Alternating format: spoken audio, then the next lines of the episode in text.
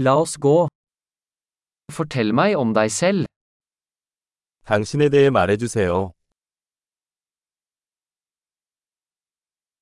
Jeg ser på livet som leketøysbutikken min. 나는 인생을 장난감 가게로 여긴다.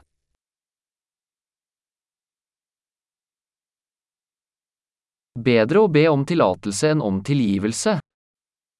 용서보다는 허락을 구하는 것이 낫습니다.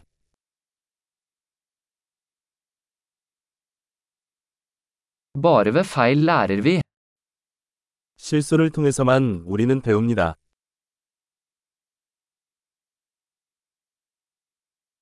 Og ved observasjon, feil og observasjon, observer mer. 그리고 관찰에 의해 오류와 관찰, 더 관찰해 보세요.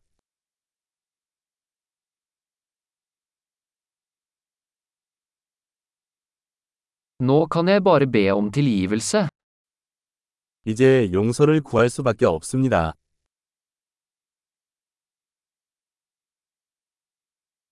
Hvordan vi føler om noe bestemmes ofte av historien vi forteller oss selv om det. 우리가 어떤 것에 대해 어떻게 느끼는지는 종종 우리가 그것에 대해 스스로에게 말하는 이야기에 의해 결정됩니다.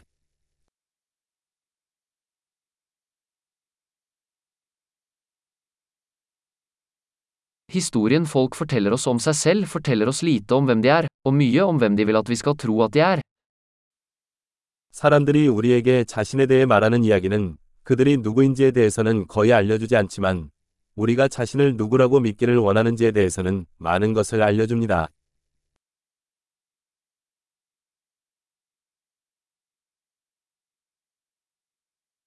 Evnen til å utsette tilfredsstillelse er en prediktor for suksess i livet.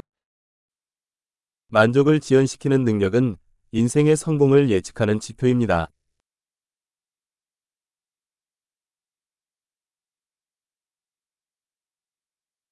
Jeg legger igjen den siste biten av noe velsmakende for å få fremtiden meg til å elske nå meg. 나는 미래의 나, 현재의 나를 사랑하기 위해 맛있는 음식의 마지막 한 입을 남깁니다.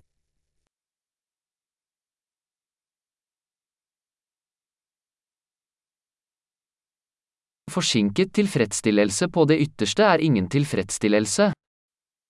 극도로 지연된 만족은 만족이 아닙니다.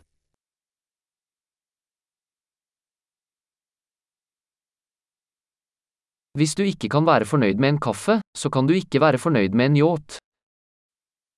커피가 행복할 수 없다면 요트도 행복할 수 없습니다.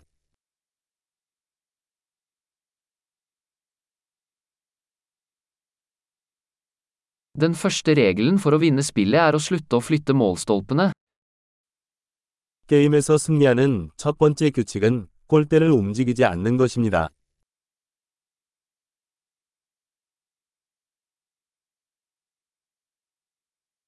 Alt skal gjøres så enkelt som mulig, men ikke enklere. 모든 것은 가능한 한 단순해야 하지만 단순해서는 안 됩니다.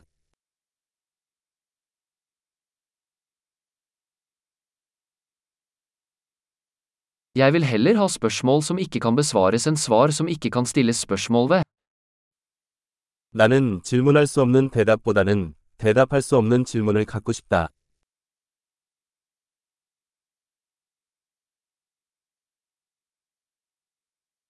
Mitt sinn består av en elefant og en rytter. 내 마음은 코끼리와 기수로 이루어져 있습니다.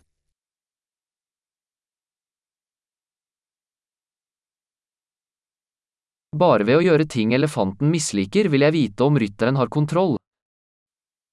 코끼리가 싫어하는 일을 해야만 기수가 통제할 수 있는지 알 수 있습니다.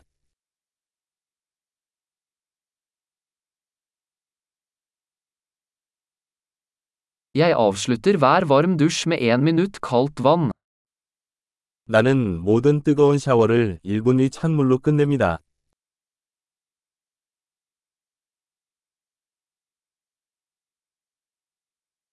Elefanten vil aldri gjøre det, rytteren gjør det alltid. 코끼리는 결코 그것을 원하지 않지만 기수는 항상 그렇게 합니다.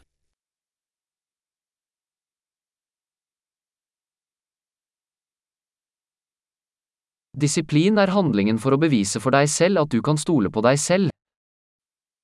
징계는 자신을 신뢰할 수 있다는 것을 스스로에게 증명하는 행위입니다.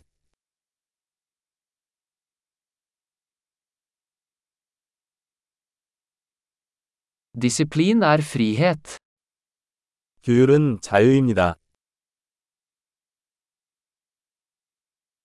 Disiplin må praktiseres i små og store måter. 징계는 크고 작은 방법으로 실행되어야 합니다.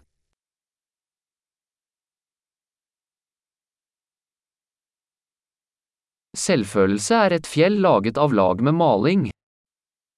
자존감은 여러 겹의 물감으로 이루어진 산이다.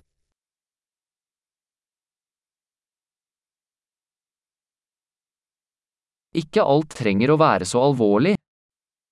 모든 것이 그렇게 심각할 필요는 없습니다.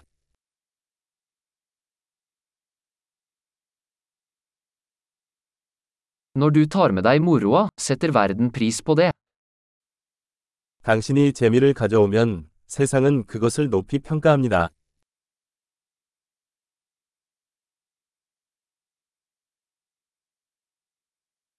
Har du noen gang tenkt på hvor skummelt havet ville vært hvis fisk kunne skrike?